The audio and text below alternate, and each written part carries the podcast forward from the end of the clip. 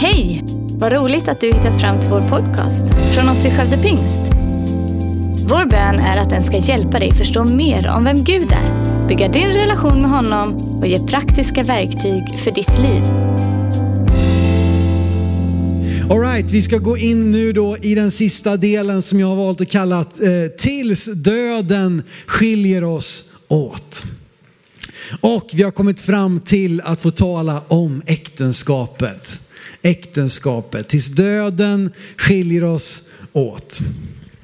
Vi ska läsa nu då, än en gång så går vi hela vägen tillbaka till första Mosebok och den här gången ska vi läsa ifrån kapitel 2. Och eh, vi ska se världens, vi ska läsa världens första, eh, vad säger man, romantiska dikt ska du få vara med och läsa nu. Den första genom historien. Det står så här i alla fall då i första Mosebok 2, 23, um, 20, nej var är vi någonstans? Från 20 redan, vi börjar redan i vers 20 och läser fram till vers 23. Mannen gav namn åt alla boskapsdjur, åt himlens fåglar och markens alla vilda djur. Men åt Adam fanns ingen medhjälpare som var hans like. Då lät Herren Gud en tung sömn falla över mannen. När han hade somnat tog han ut ett av hans revben och fyllde dess plats med kött. Och Herren Gud byggde en kvinna av revbenet som han tagit från mannen och förde fram henne till honom. Då sa mannen, äntligen! Ben, hon är ben av mina ben och kött av mitt kött. Hon ska heta kvinna för av man är hon tagen. Bone of my bones. Har du, liksom, har du fått den raggningsrepliken någon gång? Oh, du är ben av mina ben, kött av mitt kött. Det är kanske, kött av mitt kött, det låter lite väl köttigt kanske. Men. När Gud skapar kvinnan är det utifrån mannens behov av gemenskap. Och naturligtvis går det åt båda riktningarna. En medhjälpare säger Gud som är hans like. Redan här ser vi jämlikhet. Du vet, jämlikhet är ingenting som vi har kommit på i våra dagar. Gud, det var med i Guds tanke redan i skapelsen. Vi är skapade för att komplettera och stötta varandra genom våra olikheter i ett jämlikt förhållande. Hör vad jag säger. Vi är skapade att komplettera och stötta varandra genom våra olikheter i ett jämlikt förhållande. Eh, vi behöver varandra. Vi ska läsa i första Korinthierbrevet kapitel 11. Där det också är så här, jag tycker att Paulus är väl den som kanske är mest missförstådd tycker jag. När det kommer till kvinnosyn, när det kommer till äktenskap, när det kommer relation man-hustru. Därför ska vi läsa några av hans texter om just det här för att jag tror förklara vad, vad, vad jag tycker tvärtom går tillbaka till grundtanken. Eh, första Korinthierbrevet 11, vers 11 till 12. Då, säger, då visar Paulus på det här beroendet av varandra. Men i Herren är kvinnan inte oberoende av mannen, eller mannen oberoende av kvinnan. För liksom kvinnan har kommit från mannen så blir också mannen till genom kvinnan och allt kommer från Gud. Vi behöver varandra. Ja visst, mannen, eh, kvinnan blev tagen så att säga ur mannen, men varje man efter det har ju kommit till genom kvinnan. Vi behöver, allt kommer ifrån Gud. Vi är inte oberoende av varandra. Vi kan inte låta liksom, eh, att, att, så att säga, tala för den enas rättigheter vara på det andras eh, könets bekostnad, utan vi behöver varandra. Det finns ett ömsesidigt beroende. Även om dessa texter sticker i ögonen på somliga, går stick i stäv med vår samtid, så tycker jag det är vackert. Låt mig säga en sak, det här är ingen, ingen jämlikhetspredikan, men vi måste börja där för att förstå sambandet och Guds tanke för man och kvinna. Jag är hundra procent för lika möjligheter och rättigheter för män och kvinnor. Men jag är inte för ett utraderande av allt kvinnligt och manligt och att tvinga fram ett lika utfall. Det är väldigt stor skillnad. Alla ska ha samma möjligheter. Men vi kan inte tvinga fram samma utfall, alltså att precis lika många kvinnor som män ska vara poliser, precis många eh, kvinnor som män ska vara lärare, precis lika många kvinnor som män ska vara lastbilschaufförer. Alla ska ha möjlighet att ge sig in på vilken av de här banorna som helst, men vi kan inte tvinga, kvotera fram ett lika utfall. Låt mig säga en annan sak, att det får inte finnas något glastak i våran kyrka. Oavsett vilket kön, etnicitet, hudfärg eller social bakgrund du har. Vi är ett i Kristus genom att bejaka varandras olikheter, inte sudda ut dem. Matthew Henry en gammal teolog, han skrev det så otroligt vackert. Jag tycker det, det, det kan vara så här, vadå, har jag blivit till av mannens revben liksom? Hallå, jag är en självständig kvinna, du ska inte komma och säga att jag är något revben här. Men, men låt oss bara så här, släppa garden lite grann liksom. Eh, låt oss bara andas två djupa andetag och så läser vi vad Matthew Henry säger om just detta med att kvinnan skapas av mannens revben. Det här skrev han 1706 redan. Så här står det, han säger kvinnan skapades av mannens revben för att vara vid hans sida. Inte från hans huvud för att vara högre än honom, inte heller från hans fötter för att bli trampad på av honom, utan från under hans arm för att skyddas av honom, i närheten av hans hjärta för att bli älskad av honom. Är inte det vackert? Jag tror att vi inte ska ta de här texterna som ett sätt att börja slå ifrån oss varandra utan tvärtom se vårt beroende av varandra. I det här Gud skapar man och kvinna så instiftar han det första han gör, det vi kan läsa vidare i de här verserna vi precis läste. Vi ska läsa istället i Matteus 19, vers 4-5, där Jesus bekräftar det som Gud instiftar redan i skapelsen, nämligen äktenskapet. Det står så här, Jesus säger då, och han citerar egentligen bara första Mosebok kapitel 2. Han säger, har ni inte läst att skaparen från början gjorde dem till man och kvinna och sa, därför ska en man lämna sin far och mor och hålla sig till sin hustru och de två ska bli ett kött. Precis som jag förra veckan konstaterade att, att sex är Guds idé, så vill jag idag slå fast det att äktenskapet är Guds idé. Precis efter att Gud skapat mannen och kvinnan så instiftar han äktenskapet före någonting annat. Har du tänkt på det? Innan det kom några profeter, innan det kom några kungar, innan det gavs löften om Messias, innan kyrkan så instiftar Gud familjen som en grundsten för hela tillvaron och äktenskapet för att skapa en trygg och säker plats för kärleken och familjen att växa till. Även om vi idag ser många slå på familjen, inte minst kärnfamiljen när man kan prata om mamma, pappa och barn, att man vill lyfta fram det här är förlegat, det är gammalmodigt. Vet du vad? Även i vår tid så växer 75% av alla barn upp i en så kallad kärnfamilj i Sverige idag. Men i alla fall, även i FNs deklaration, nu måste jag ta lite vatten känner jag.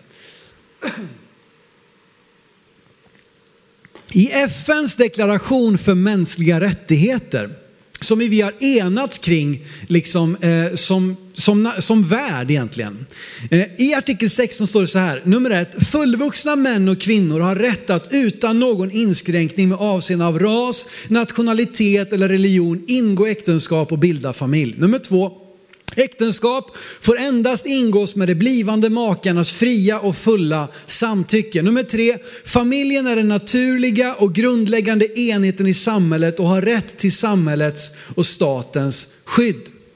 Väldigt bra sagt. Till och med i FN då, där vi, där vi förenas med hundratals nationer över vår värld så är det här nedlagt i de mänskliga rättigheterna.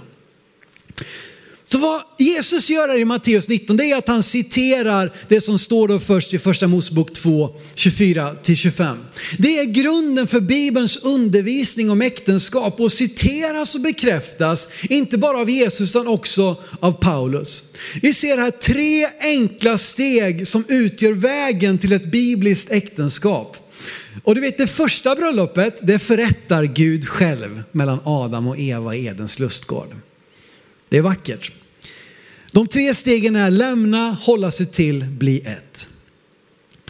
Därför ska en man lämna sin far och sin mor, hålla sig till sin hustru och de två ska bli ett. Låt oss bara titta lite närmare på de här tre stegen som är vägen fram till eh, ett bibliskt äktenskap. Lämna. Lämna. Allt annat flyttas ner på prioriteringslistan. Innan du är gift så är relationen till dina föräldrar den starkaste eh, I många kulturer är det liksom den starkaste generellt, men i vår tid också rent juridiskt. Det är ingen annan du har så starka band till som dina föräldrar rent juridiskt. Oavsett vad ni har för relation så är det du som kommer ärva så att säga som barn. Det är den relation i Guds tio bud som vi uppmanas att hedra. Du ska hedra din far och din mor. Alltså, det är den enda relationen som, som liksom utnämns på det sättet i tio Guds bud. Och även om det kan liksom kännas främmande i våran eh, individualistiska tid och liksom där vi har på, på många sätt, vi har lämnat över, ja, i en annan predikan. Men det bara visar att här nu ska du åsidosätta dina viktigaste relationer till förmån för den du nu ska eh, liksom dela livet med. Det betyder inte att det blir din enda relation och det, det, kan ju en del gifta kanske behöva lära sig att det handlar inte om att inte ha några andra relationer. Men det finns ingen annan relation som är så viktig. Det måste komma först i prioriteringen, inte när det kommer till bästisar, när det kommer till grabbgänget, när det kommer till fritidsintressen, när det kommer till karriär. Allt det här måste halka ner eh, och andra ambitioner underställs lojaliteten gentemot din livspartner och i förlängningen kanske också den, den kommande familjen. Är du inte redo att göra dessa uppoffringar, då är du inte redo att gifta dig. Då är du inte heller i Bibelns mening redo att ha sex. Därför är det viktigt att det får landa ordentligt innan vi tar nya steg i relationen och bestämmer oss för att gifta oss. Lä, liksom gå tillbaka och titta på när jag pratade lite om dating och sådär i del två. Liksom, att det här måste vara någonting som får växa fram. Ingenting vi rusar in i. Ingen relation är den andra lik. Men det råd som jag ger, det är att vara tillsammans i minst ett år innan förlovning. Varför då? Jo, för det är lite skillnad en grå novemberdag eh, mot en liksom kväll i juni. En kväll i juni kan jag bli kär i vem som helst, jag säga. Det, det, det, blir jag inte. Men, men det kan vara, alltså under, under loppet av ett år, då ser vi många olika sidor av varandra. Vi får gå igenom både liksom vintertid och sommartid och, och allt däremellan. Liksom. Och vi, vi kan inte hålla upp en fasad eh, för varandra ett år. När vi väl förlovar oss, då börjar vi drömma om bröllop. Det har vi säkert gjort en del av oss redan från att ni var små barn. Men särskilt när vi förlovar oss. Och då är det väldigt lätt att då slukas man upp i allting som har med bröllopsförberedelser och man tänker inte riktigt klart längre på, på det som har med relationen att göra. Utan allt fokus blir på eh, liksom bröllopet. Och risken finns då att går vi för snabbt in i det så är risken stor att vi kanske inte riktigt har landat i det här lämna-delen. Eh, att det är en person jag vill lova livslång trohet. Sen när det väl är på plats då, att du är beredd att, att åsidosätta eller prioritera ned allt annat i ditt liv till förmån för den här personen. Då kommer del nummer två, hålla sig till förbundet upprättas. Engelskan säger be united. Alltså förenas med. Steg två innebär nämligen att lova trohet till varandra inför Gud och människor. Historiskt har detta skett genom olika typer av vigslakter. Det är inte så att den vigslakten som vi praktiserar just nu i Sverige är liksom den enda rätta. Utan det har skett på olika sätt i olika kulturer, olika tider. Men det har skett genom en vigselakt eh, som vi ser genom, ända från Bibelns början och in i våra dagar. För att bättre förstå det handlar om ett förbund som sluts. Det är alltså inte en affärsuppgörelse. Det är inte ett kontrakt. Sådana kan brytas eller ofta är de tidsbegränsade. Vi gör en upphandling på kanske tio år eller någonting. Sen får vi omförhandla. Nej, vi kan inte se på våra äktenskap på det sättet. När vi gör en affärsuppgörelse då försöker vi också få fram det som är det bästa för mig i, i liksom dealen. Så kan vi inte gå in i ett äktenskap. Nej, ett förbund går djupare. Förbundstanken är oerhört stark genom hela Bibeln och vill du dyka mer i det, läs Sven Bengtsson bok i blodsförbund med Gud. Eller lyssna på hans undervisning om det. Ibland möter jag uppfattningen att det faktum att vi har sex innebär att vi är gifta i Guds ögon. Men sex i sig själv är inte förbundet. Det fullbordar förbundet. Men det är inte förbundet. Förbundet är kopplat till någonting mer än bara den fysiska akten. Ett förbund innefattar följande, får du liksom crash course, one-on-one eh, om förbund. Det är två jämlika parter som ingår i ett förbund. Det är löften som gäller in till döden. Löftena är Bibeln, eller förbundets konstitution. Ni vet, vi har lyssnat mycket på snack om konstitution nu i valet om USA. De går hela tiden tillbaka. Vad står det i vår konstitution? Det är bara så vi får agera, det är bara så vi får handla. Och löftena vi ger till varandra i en vigselakt borde vi egentligen memorera lite bättre än bara att knappt kunna stapplande säga efter pastorn och sen glömmer vi vad vi sa i de där löftena. För det är konstitutionen för ett förbund. Det är liksom grundlagen, det får inte brytas, det som utgörs i, i, i, i löftena. Man har väldigt ofta ett förbundstecken och i äktenskapet så har ju vi i vår tid, jag får inte ens av med den, här har vi den, ringen. Förbundstecknet. Tecknet på att jag är i förbund med, vem står det här nu igen? Jag vet vem det är. Det är Caroline, ingen annan är jag i äktenskapligt förbund med. Ett förbund behöver också vittnen som kan stadfästa att förbund har ingått, som kan bekräfta, ja, jag såg det, jag hörde det, det, det stämmer. Väldigt ofta också följdes ett förbund av en måltid. Där man då ofta hade en stor gemenskapsmåltid med liksom hela stammen eller hela släkten eller hela folken som nu har ingått i förbund. Och om vi förstår det här, då förstår vi lite mer vad det är som del två handlar om. Att hålla sig till, be united with, förenas med, förbundet upprättas. Och sen kommer del tre, bli ett kött, förbundet fullbordas.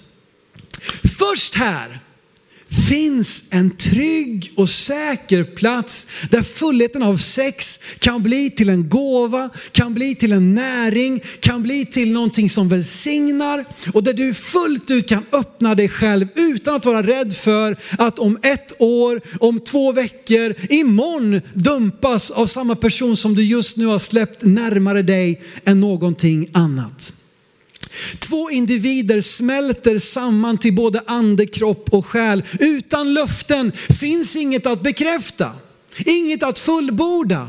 Guds tanke är att detta är den relation vi ska kunna vara nakna i utan att blygas. Självklart handlar det inte bara om det sexuella, även om det är något som öppnar upp för en djupare, intimare relation med en annan person. Helt ärligt så utgör det rent sexuella en väldigt liten del procentuellt av en relation. Så om det bara är det vi är ute efter, då har vi tänkt fel.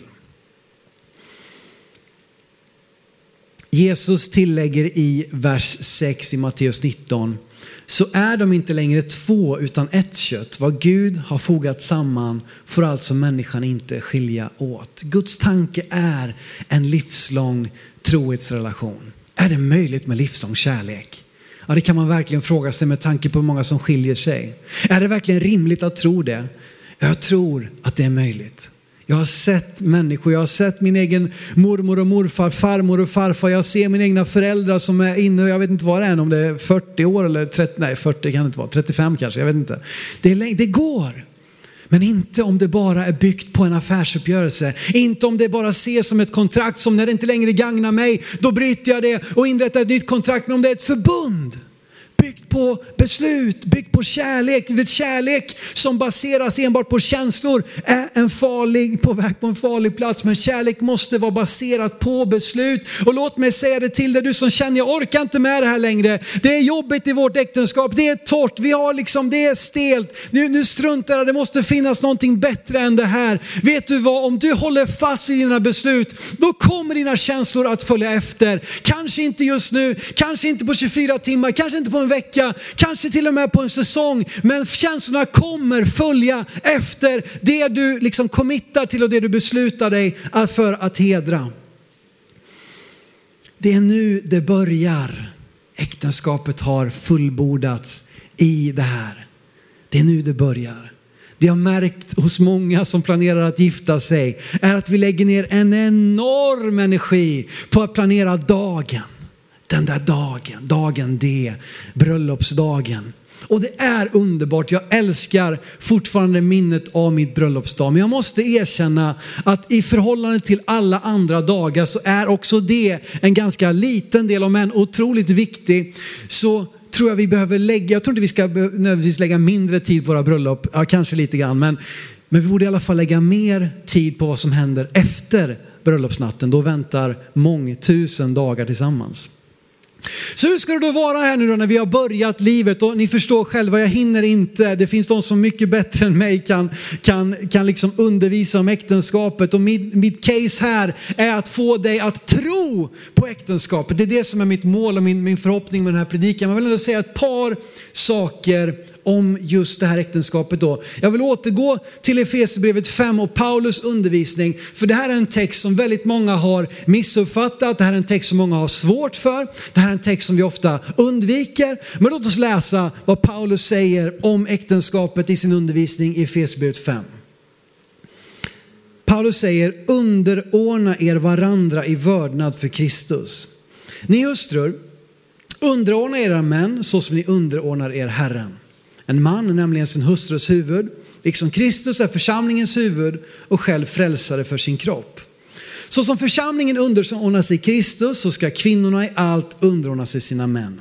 Ni män, älska era hustrur så som Kristus har älskat församlingen och offrat sig för den. Underordna er varandra nyckelordet finner vi i inledningen av den här texten. Underordna er varandra. För att ett äktenskap ska fungera behöver det vara byggt på kärlek. Lusta är själviskt och ute efter vad det kan ta, medan kärlek är osjälviskt och generöst och fokuserar på vad det kan ge. Kärlek är uppoffrande, osjälviskt. När Paulus här talar om underordnande har det ofta setts som något som går i en riktning. Kvinnor, ni ska underordna er era män. Och sen har vi inte sagt så mycket mer om det och det har varit jobbigt att ta till oss. Vi har känt nej, jag har inte tänkt ha den här gamla tvångströjan på mig. Jag är en fri person. Det här släpper vi. Men om vi läser sammanhanget i sin helhet så är det en ömsesidig uppoffring. Vi har redan sett i skapelsen hur Gud skapar man och kvinna som jämlika parter att hjälpa varandra. Det ändras inte i Paulus undervisning, tvärtom tror jag han går tillbaka till det. Många har stött sig med just denna text och det tycks rimma så illa med vår samtid. Men vad är det att underordna sig? Det måste vi fråga oss själva. Är det att bli tvingad till någonting? Nej, det är precis inte vad underordna sig är. Att underordna sig är att inta en frivillig position av samarbete. Det finns en frivillighet, inget tvångsmässigt. Och dessutom är det så att i, i, när Paulus skriver det här i antiken så är hans ord revolutionerande. Han likställer mannen med kvinnan och de ska underordna sig varandra. När han skriver den här texten då är både kvinna, barn och slav ägodelar till mannen. Så vad Paulus gör här, han säger hej män, Eran hustru är inte eran ägodel, ni ska underordna er varandra. Du ska inte använda kvinnan bara till att liksom tjäna dig, när du ska tjäna kvinnan. Hur då? Jo, som Kristus har tjänat och älskat församlingen. Wow! Kvinnan uppmuntras att underordna sin man, inta en frivillig position av samarbete, medan mannen uppmanas ge sitt liv för sin hustru. Av vem, på vem ställs högst krav? Som kvinna får du fundera på om du överhuvudtaget ska gifta dig med en man du inte är villig att underordna dig. Som man får du fråga dig, är jag överhuvudtaget villig att gifta mig med denna kvinna om jag inte är beredd att ge mitt liv för henne? Med fördel innan ni gifter er, innan ni inleder en sexuell relation. Det här handlar inte om vem som ska laga mat, vem som ska liksom ha hand om ekonomin. Det där ser olika ut i alla relationer. Bibeln är ute efter hjärtats inställning. Problem har uppstått när framförallt män har missbrukat eh, Bibelns texter för att snarare styra och ställa med kvinnan i rak motsats till vad Paulus har tänkt. Genom sin fysiska överlägsenhet, och jag vet det, det är inte så att alla män är fysiskt starkare än sina hustrur, men en, en, en stor eh, liksom, majoritet är det. Vi har helt enkelt skapats med, med liksom en annan typ av muskelmassa där vi ofta då med våld kan tvinga någon. Men Paulus säger använd inte din fysiska styrka till att tvinga. Använd din fysiska styrka till att, att beskydda, att vårda, att nära, att vara beredd att ge ditt liv för din familj och för din hustru. Hon är fortfarande en jämlik medhjälpare. De är det till varandra. Och kom ihåg, vi är inte oberoende av varandra, vi behöver varandra. Dels finns det män som har utövat maktmissbruk, men det finns också lika män som har haft en pojkaktig ansvarslöshet. Som aldrig vill växa upp, som alltid bara, men jag, jag vill känna mig fri, jag sticker iväg med polarna, nej jag vill inte ta något ansvar, oj blir du gravid, nej jag, jag sticker, jag drar vidare. Eh, och det finns bra mycket fler män som har lämnat fruar och ibland också barn i sticket än tvärtom. Även om det inte alltid är så, så måste vi våga prata om någon slags gruppnivå. Och det här sker ju inte minst när en passionerad kärleksrelation har inletts utan några löften om trohet. Utan åsidosättande av andra relationer och intressen. Och sen kan vi också se lika många makar kontrolleras av sina fruar istället för att bli uppmuntrade att liksom kliva fram i ett andligt ledarskap som Gud har tänkt. Vi är satta att vara lika, vara lika Kristus, att vi ska älska vår hustru som Kristus har älskat församlingen. Det handlar inte om att styra och ställa. Det handlar om en, en, en, alltså en, en, en kärlek som inte stannar någonstans på vägen, är beredd att gå hela vägen till att ge sitt liv. Och också just ett andligt ledarskap. Som sagt, det behöver inte handla om alltså, vem, vem är bäst på ekonomi? Ja, den som är bäst på ekonomi sköter ekonomin. Man, kvinna, det spelar mindre roll. Vem sköter maten? Ja, den som dagar, tycker det är roligt att laga mat, är bra på mat eller så får man komma överens om någonting. Men det talar om ett andligt ledarskap här och jag tycker mig se allt för många män som överlämnar det andliga ledarskapet i sin familj helt och hållet åt sin hustru. Det är hustrun som tar initiativ till att be. Och när barnen föds så är det hustrun som ser till att barnen kommer till kyrkan. Det är hustrun som ser till att vi liksom knäpper våra händer, att vi ber tillsammans, läser Bibeln. Jag säger inte att det är så i alla familjer, men jag vet att det är allt för många män som överlämnar det andliga ledarskapet att faktiskt föra sin familj närmare Gud helt och hållet åt kvinnan. Det är tänkt att vara ett samarbete där vi hjälper varandra. Äktenskapet är ett gemensamt företag som stavas utgivande osjälvisk kärlek och ömsesidigt underordnande. Vad börjar Paulus med att säga? Han sa underordna er varandra. Det ser olika uppoffringar ser olika ut men det är uppoffringar för båda parter. Paulus fortsätter och vi ska läsa nu från vers 33. Han avslutar sin undervisning om äktenskap med att säga så här. Vad er angår ska var och en älska sin hustru som sig själv och hustrun ska visa respekt för sin man. Kärlek och respekt. Vad vill vi ha? Jo, vi vill ha kärlek och respekt. Vad vill vi ha? Jo, sen ska vi nog inte fortsätta den texten. Jag tror att det blir barnförbjudet senare. Men vi vill ha kärlek och respekt. Det är så. Och alla par är unika. Kom inte till mig nu efter den här undervisningen och säg, ja du lägger på, det ska vara schablonaktigt, alla män och kvinnor ska vara likadana. Nej, det har jag inte sagt. Alla par är unika. Man får själva hitta fram till det bästa sättet att fördela ansvar och roller. Men på gruppnivå än en gång så tycks det finnas två grundläggande behov som män och kvinnor har. Paulus sätter fingret på det i avsnitt av sin undervisning om äktenskapet i Efesierbrevet 5 kärlek och respekt. Jag förstår att jag nu träder in på minerad mark, men vem vill inte leva med lite spänning i tillvaron? Mannen uppmuntras att älska sin hustru som sig själv. Handen på hjärtat tror jag vi ser fler män som behöver jobba med sin själviskhet än kvinnor. De egna intressena, de dyra leksakerna, de hobbys som jag absolut inte kan, eh, kan ge upp. För att få mannen att fatta så säger Paulus att vi ska älska våra hustrur som oss själva. Va? Så mycket? Jag älskar mig själv jättemycket. Så, så mycket ska du älska din hustru. Och du ska göra det som Kristus. Hustrun behöver känna sig älskad, det buttrar jag säger till om jag inte älskar det längre. Det duger inte. Som make uppmuntras du få din hustru att känna sig speciell, vacker, unik, älskad. Hon behöver få höra det, känna det, märka det och påminnas om det genom hela livet.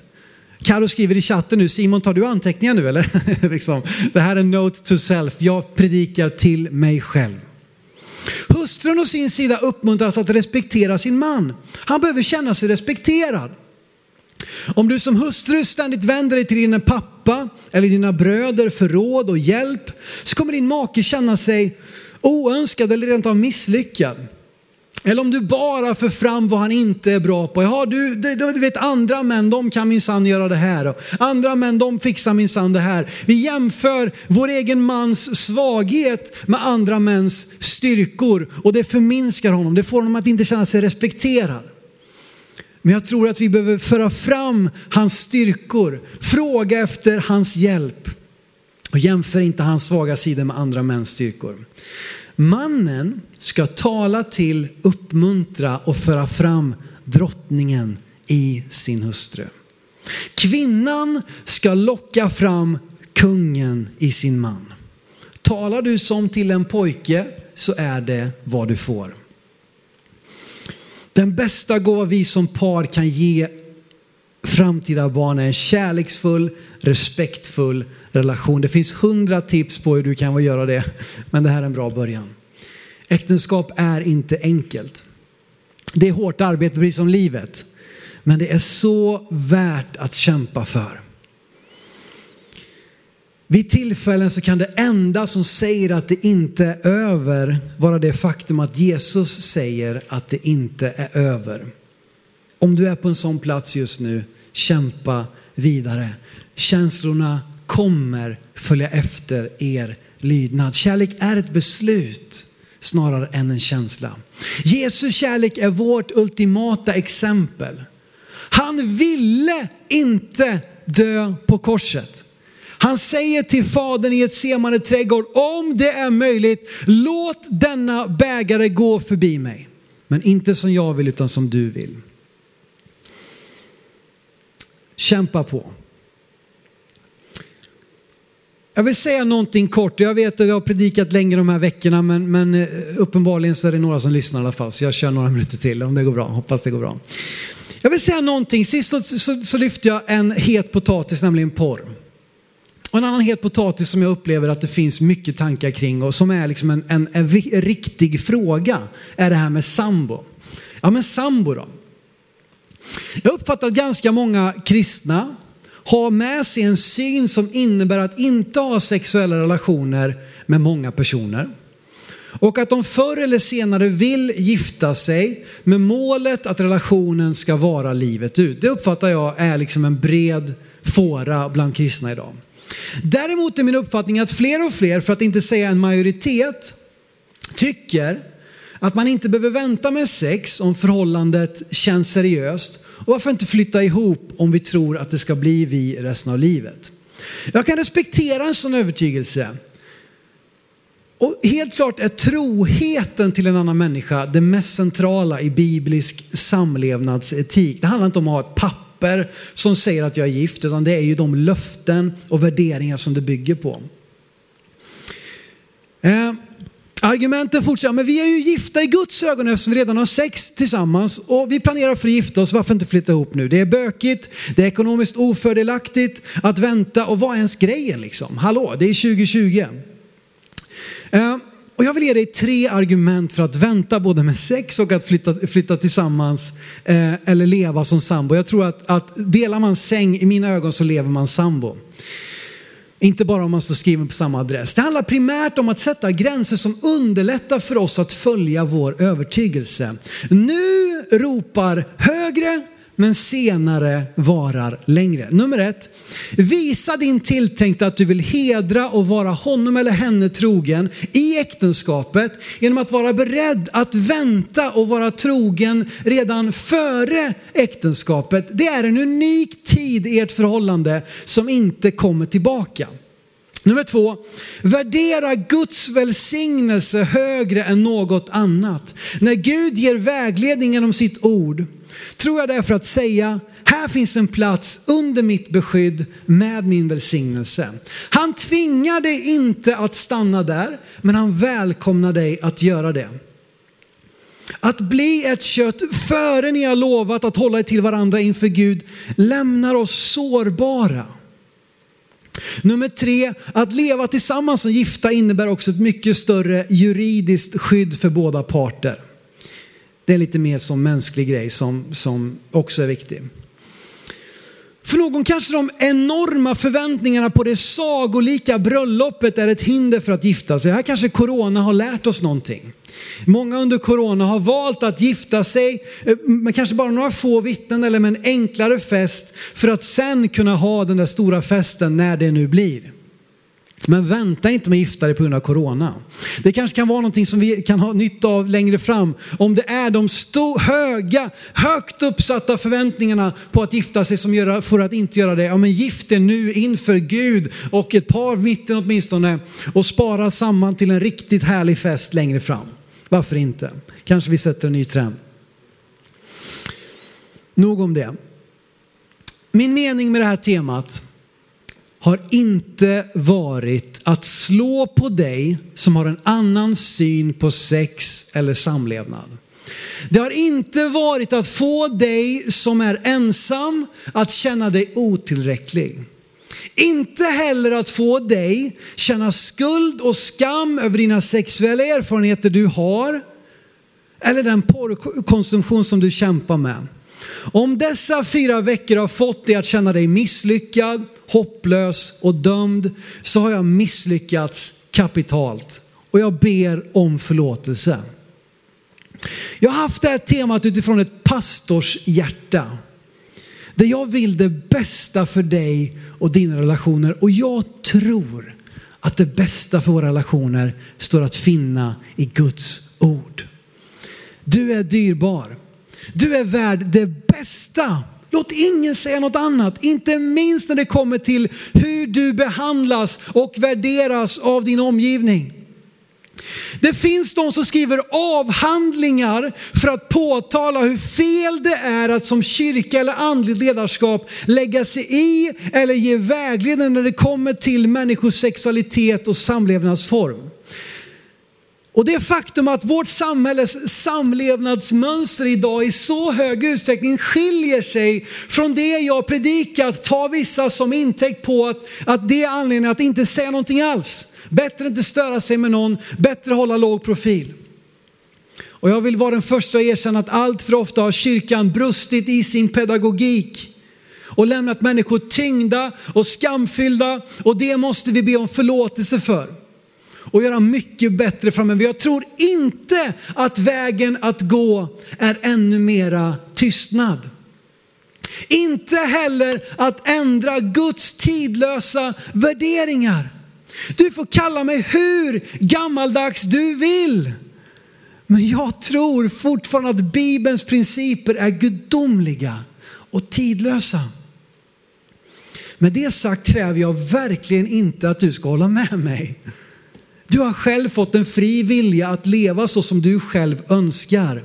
Gräv själv i skriften för att se med egna ögon och bilda dig en uppfattning. Du måste inte ställa upp på det jag har predikat för att vara en del utav den här kyrkan. Du måste inte leva så här till punkt och pricka för att kalla dig kristen. Absolut inte. Jag välkomnar samtal med dig som har en annorlunda syn.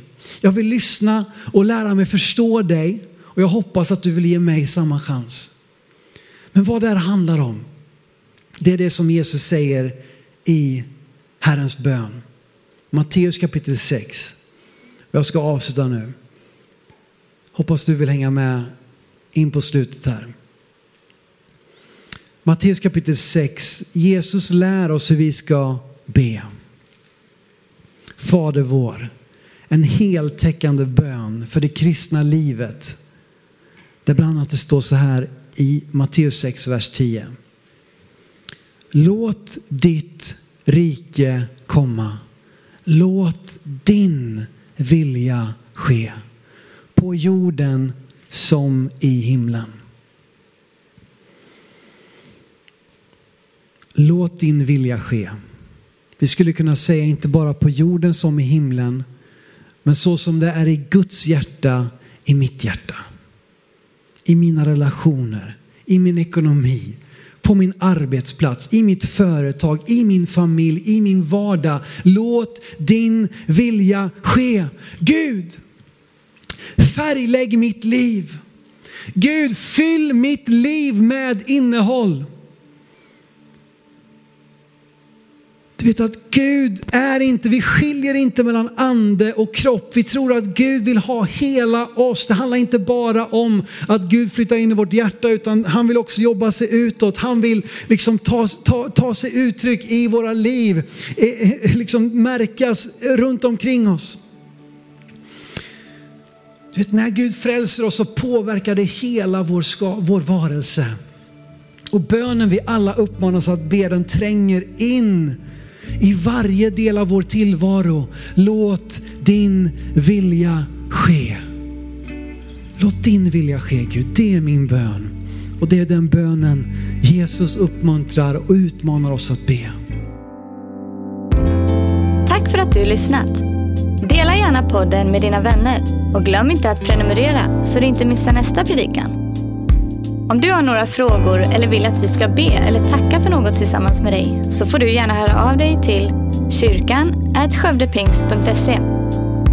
För oss är veckans höjdpunkt söndagens gudstjänst och det vore så kul att träffa dig där. Våra team finns då redo att ta emot dig och det finns även egna samlingar för barnen. Du hittar mer information om oss, vilka vi är och våra olika mötesplatser på skövdepingst.se. Gud välsigne dig och ha en fortsatt bra vecka.